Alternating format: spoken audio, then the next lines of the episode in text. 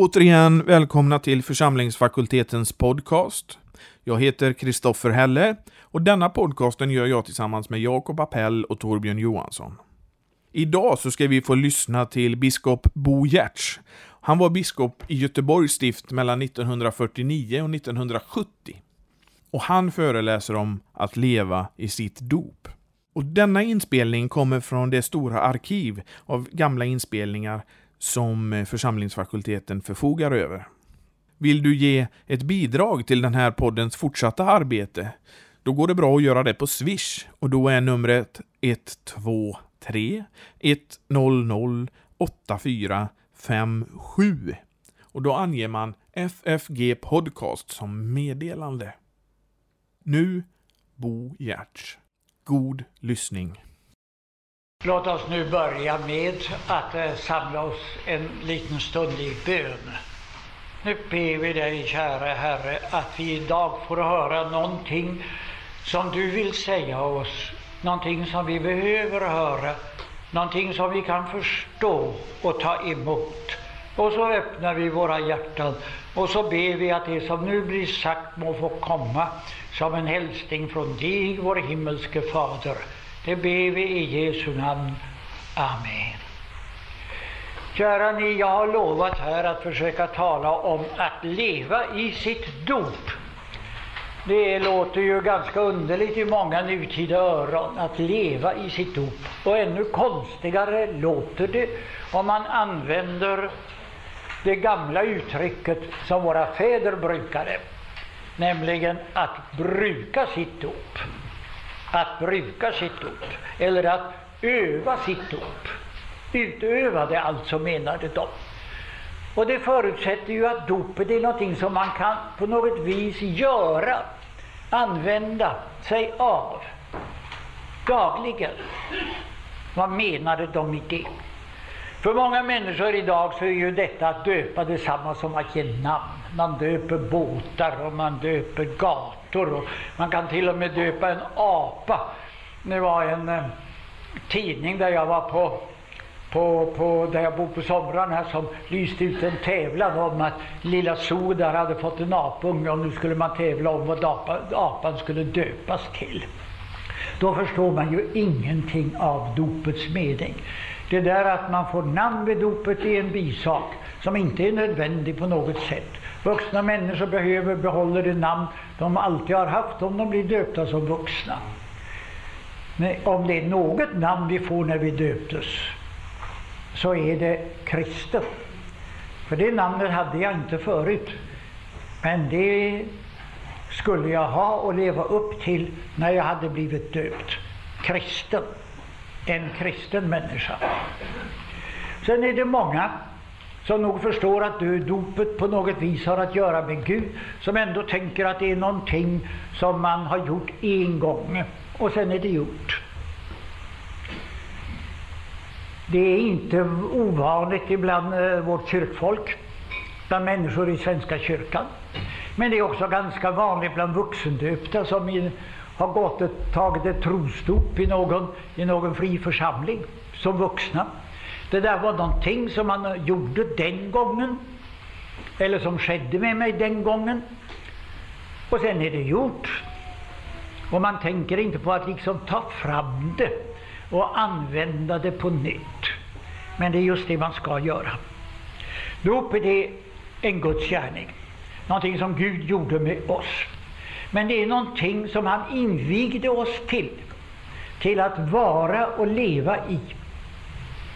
Tänk på instiftelseorden till dopet när Jesus befallde sina apostlar att gå ut i hela världen och göra alla folk till lärjungar genom att döpa dem och sen lära dem att hålla allt vad han befallt. De skulle alltså döpas till att vara lärjungar. Och att vara lärjunge det är inte en sak som man klarar på 15 minuter eller en halvtimme eller vad dopet nu tog. Utan det är ett helt långt liv. Och detta att öva sitt dop, det är att ta konsekvenserna av det. Dopet är en Guds gärning. Det är några av er gamla här som i sin ungdom kanske rent utav fick läsa katekesen i, i skolan. Eller i varje fall när ni gick och läste. Ni har um, i Luthers lilla katekes fått lära er en gång vad dopet är. Jag ska inte fråga er på det, utan jag ska istället ta och, och påminna er genom att, att uh, läsa, läsa upp detta. Alltså, frågan alltså vad dopet är. Inte blott vatten, utan vatten helgat genom Guds befallning och förbundet med Guds ord. Och det verkar, står det sen, syndernas förlåtelse, det frälsar från döden och djävulen. Det giver evig salighet åt alla dem som sätter tro till Guds ord och löften. Men så kommer den viktigaste frågan eh, eh, lite längre fram. Vad betyder detta dop? Och det är det vi ska tala om idag. Det betyder att den gamla människan i oss ska genom daglig ånger och bättring förkvävas och dödas. Daglig ånger och bättring hela långa livet. Dödas med alla synder och onda lustar och en ny människa dagligen alla dagar hela livet igenom framkomma och uppstå, vilken i rättfärdighet och helighet ska leva inför Gud evinnerligen. Det var alltså meningen. Den gamla människan var inuti. Det är det som vi allesammans har inom oss, har det här i denna stund. Någonting som icke kommer ifrån Gud. Vi är skapade av Gud och från honom kommer allt gott som vi har. Och det finns mycket gott i människonaturen som vi har Gud att tacka för. Men det finns också någonting ont som hänger samman med att det i Guds skapelse, som vi vet, har skett ett uppror. En som Gud hade skapat till att bland hans änglar tjäna honom, men som gjorde uppror. Och som, det var det värsta, lyckades locka oss människor över på sin sida.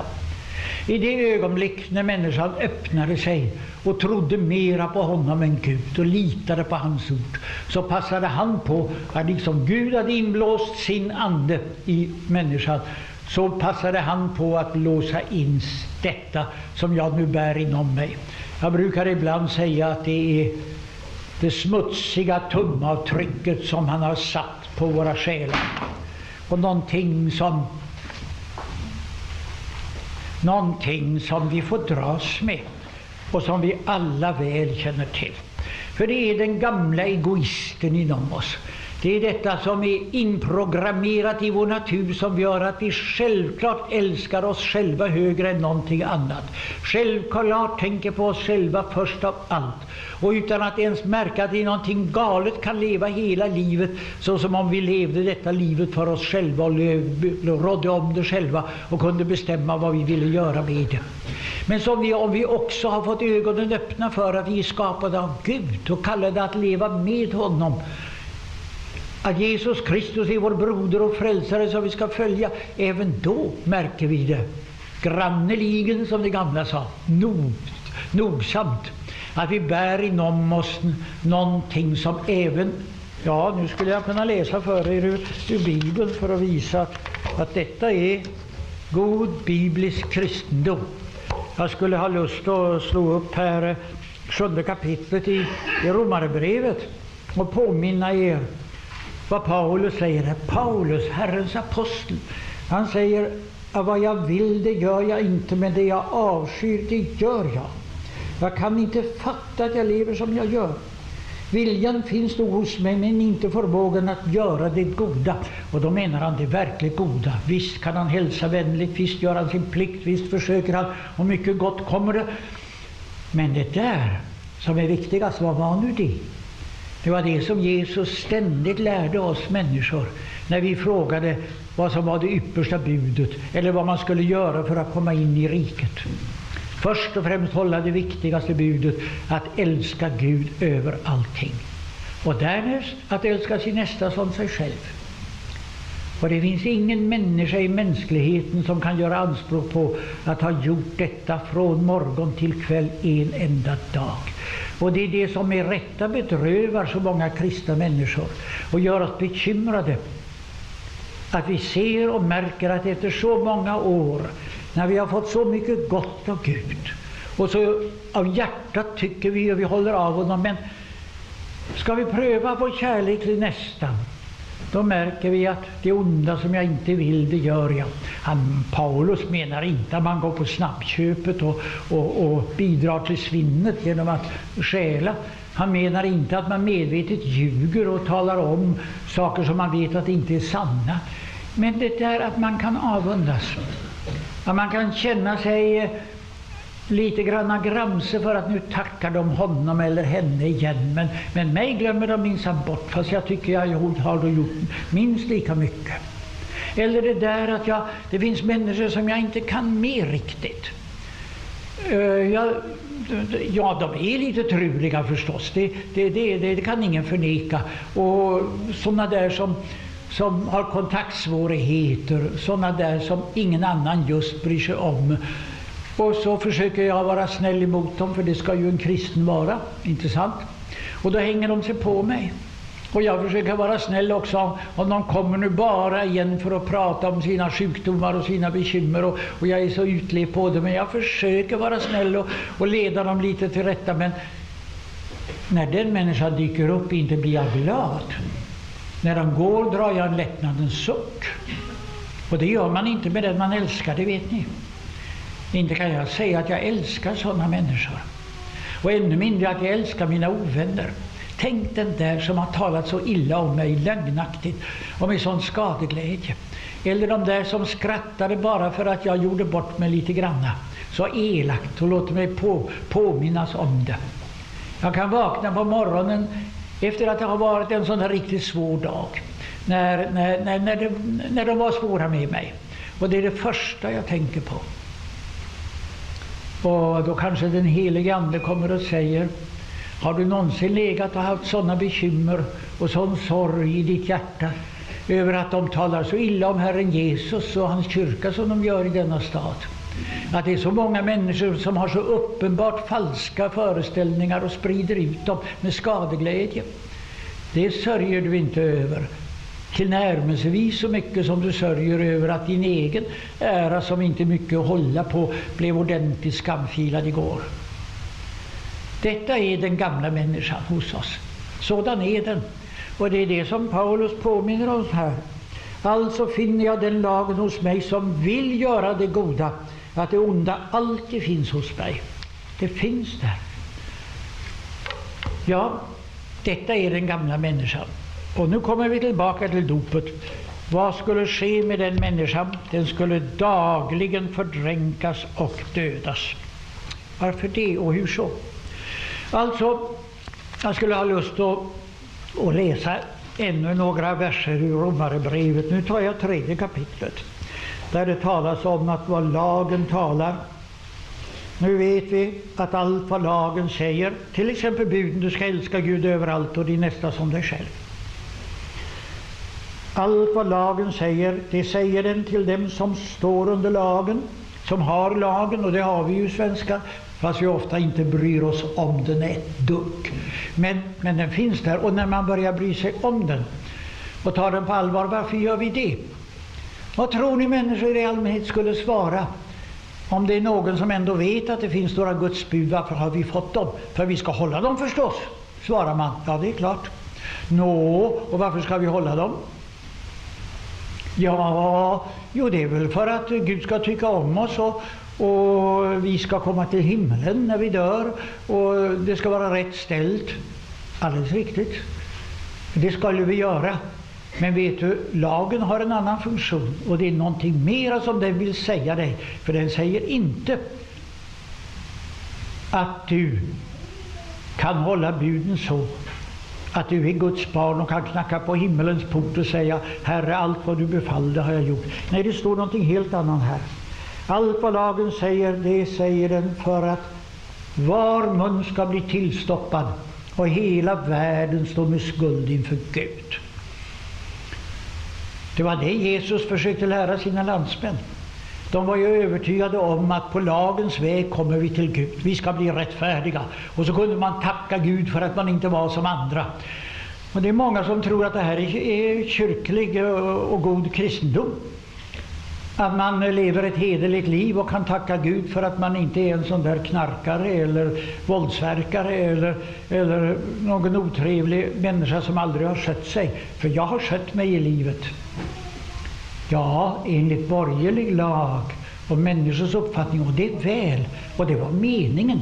Och Gud är glad över det och samhället kan vara glad över det. Men det behövdes någonting annat för att passa i Guds rike. Och det fick Jesus undervisa om. Läs bergspredikan. Där talar han direkt till sådana människor som tror att de har hållit buden. Och då Jesus tar fram det ena efter det andra. Ni har hört vad som blev sagt till det gamle. Där har du de buden så som människor vanligen uppfattar dem. Men jag säger er, och så får vi höra vad Gud verkligen väntar. Var ni fullkomliga så som eder himmelske fader är fullkomlig. Älska edra ovänner. Slå det på någon på ena kinden så vänd den andra åt honom. Tar han något ifrån dig så ge honom resten på köpet. Nej men vad, vad, vad är nu detta? Alltså fullkomlig inför Gud. Det är vi inte. Och det räcker inte med 60 procent. Man kan inte göra konkurs inför Gud och bjuda honom ackord. Utan man skulle verkligen passa i Guds rike.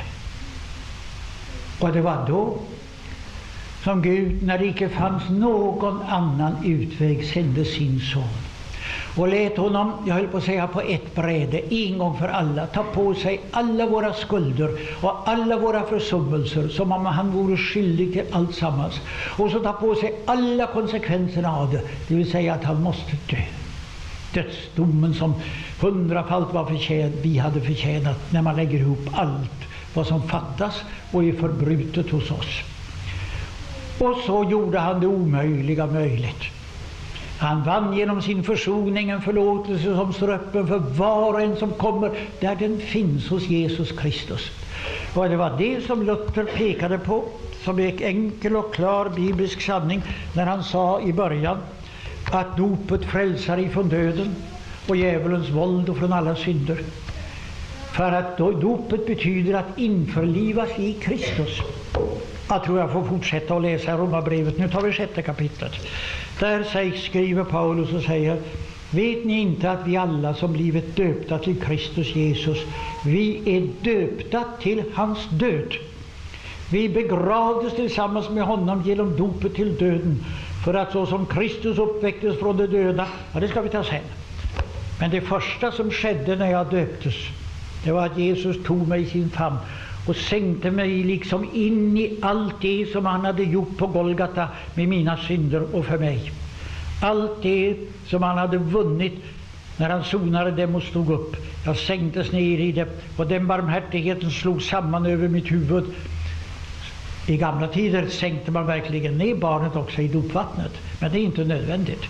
Men det var en vacker bild. För så som vattnet slog samman, så slog nåden och förlåtelsen samman. Nu var jag hos Jesus Kristus och hade del i allt det som han hade gjort. Men det hade jag fått, och nu kan vi läsa vidare, för att vi också, vi skulle förnyas till att leva hans liv. Om vi alltså vuxit samman med honom genom en likadan död, så ska vi också växa samman med honom genom en likadan uppståndelse. Vi vet ju att vår gamla människa blev korsfäst tillsammans med honom. För att vi skulle dö bort ifrån synden. För att vi inte skulle leva för den och låta den råda. För att vi skulle kunna säga till vår gamla människa, tyst med dig. Du har ingen talan här. Jag är överlämnad åt Jesus Kristus. Vad du har ställt till och ställer till, det är försonat och förlåtet. Men nu har jag en annan Herre och honom vill jag följa. Ser ni, det är att öva sitt dop. Det är att alltså praktisera det, följa upp det kan man säga, dag efter dag.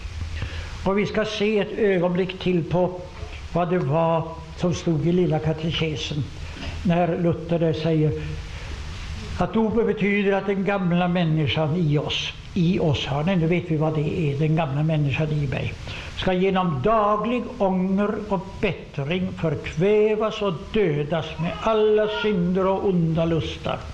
Förkvävas, dränkas. Inte tillåtas att sticka upp huvudet. Min gamla människa, liksom din, gör ständigt nya försök. Den gamla människan är korsfäst, men vi får aldrig riktigt död på den. Det är som i ogräset i en gräsmatta. Man kan ha gräsmattan fullkomligt fri, men så kommer det upp igen.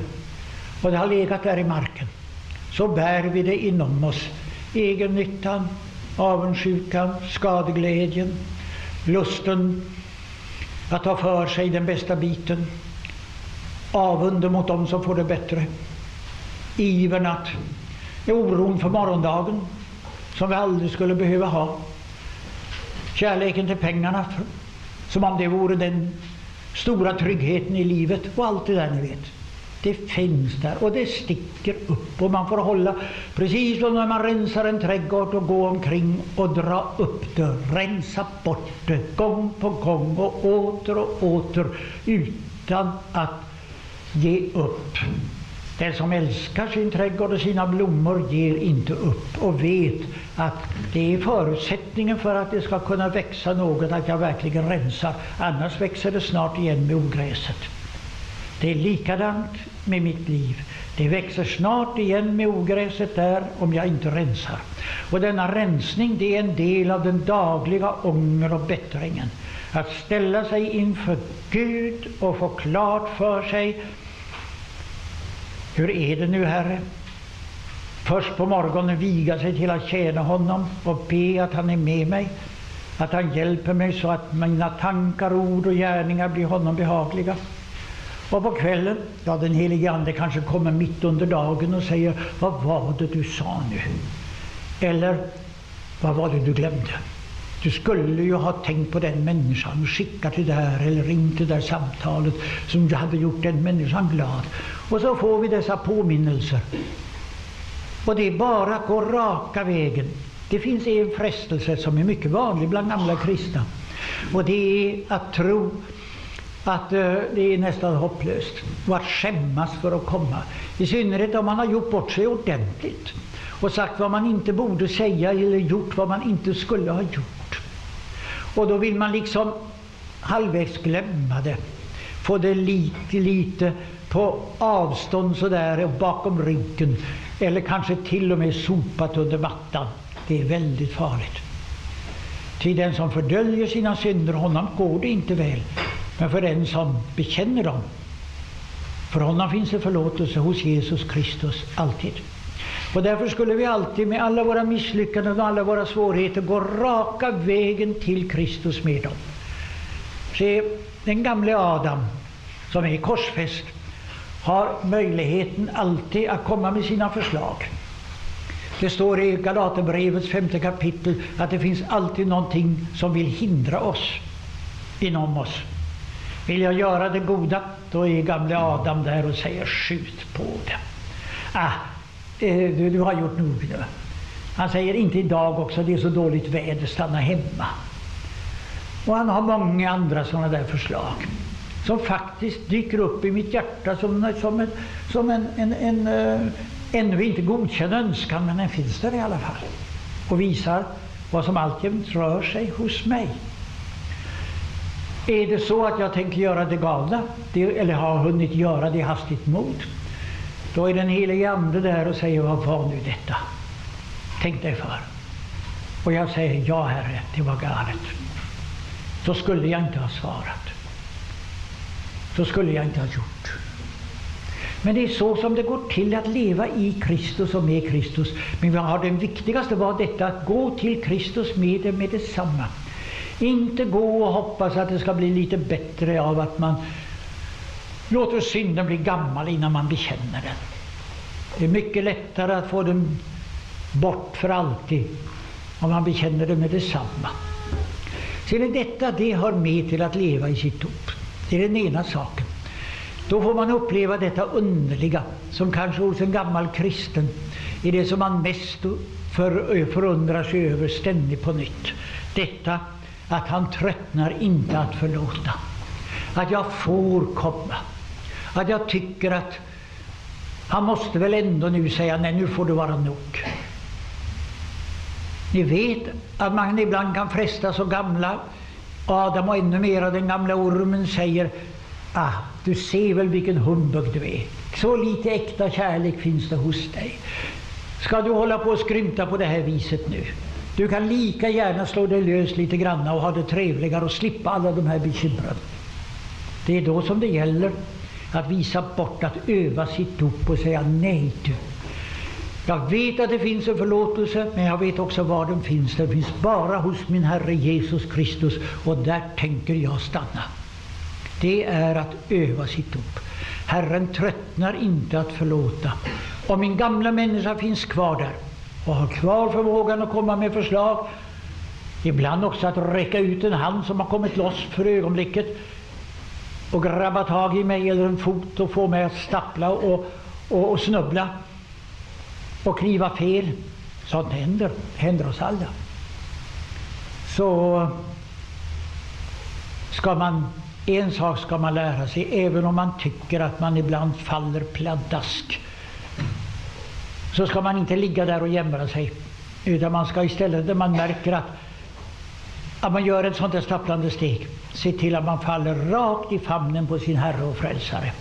Det finns ingenting som så kan förta gamle Adam och hans herre lusten att hålla på och plåga mig som att se att det bara driver mig närmare min Herre Jesus Kristus. Det är att öva sitt dop. Den gamla människan ska dagligen förkvävas och dödas och en ny människa dagligen framkomma och uppstå. Uppstå redan på morgonen. Tänk en ny dag har han givit mig. Herre, hjälp mig att leva i din uppståndelses kraft. Så som du stod upp ur graven, så ska jag nu gå ut i livet för att få leva med dig och hålla dig i handen. Det är det bästa sättet att börja en dag. Och sen leva på det viset. Att gå tillbaka till det i alla svårigheter, alla frestelser. Ni vet när vi blir trötta. Och hur kan inte en gammal människa bli trött? Jag har upplevt det denna dag när jag var ute på stan och var på väg hem. Man upplever det och känner alltså att man är egentligen ohågad till allt. Men Herren Jesus går vid vår sida och jag kan tala med honom om alltihopa, han förstår det precis. Jag kan kanske inte låta munter och inte vara glad och inte vara uppiggande och, och inte vara sådär översvallande i generositet och gott humör som man skulle vilja vara. Men jag vet ändå vilken Herre jag har och vem jag tillhör. Och när jag får vila upp mig lite grann så kommer det tillbaka. Den nya människan står ändå upp. Kanske tar du telefonluren och ringer till någon som sitter ensam och kommer ihåg att här skulle du alltid ändå höra hur du nu står till och kunna kanske prata bort en stund och kanske berätta hur gott det var i kyrkan i söndags och hur mycket du fick och, och, och vad mera kan vara som man kan tala om. Eller någonting annat. Det kan aldrig komma en dag. Så länge vi inte ligger, ja, jag höll på att säga på Vasa sjukhus, men inte heller där är det, såvida mitt förstånd ännu finns kvar och mitt minne, så kan jag alltid bedja för människor. Och det är att göra dem en tjänst. Men eh, det viktigaste är ju detta att det kan för oss som ännu går på våra ben, det kan inte komma en dag när jag inte kan glädja någon människa eller göra livet lite gladare, lite lättare på något vis. Och därför kan livet aldrig bli meningslöst. Det är jag döpt till till ett liv med mening i, ett liv med Herren Jesus Kristus.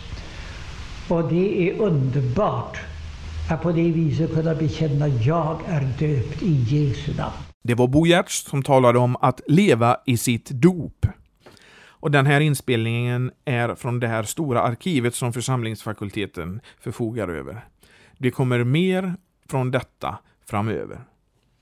Nästa vecka, då ska vi få lyssna på en intervju som jag har gjort med församlingsfakultetens lärare i Nya Testamentets exegetik, Timo Lato.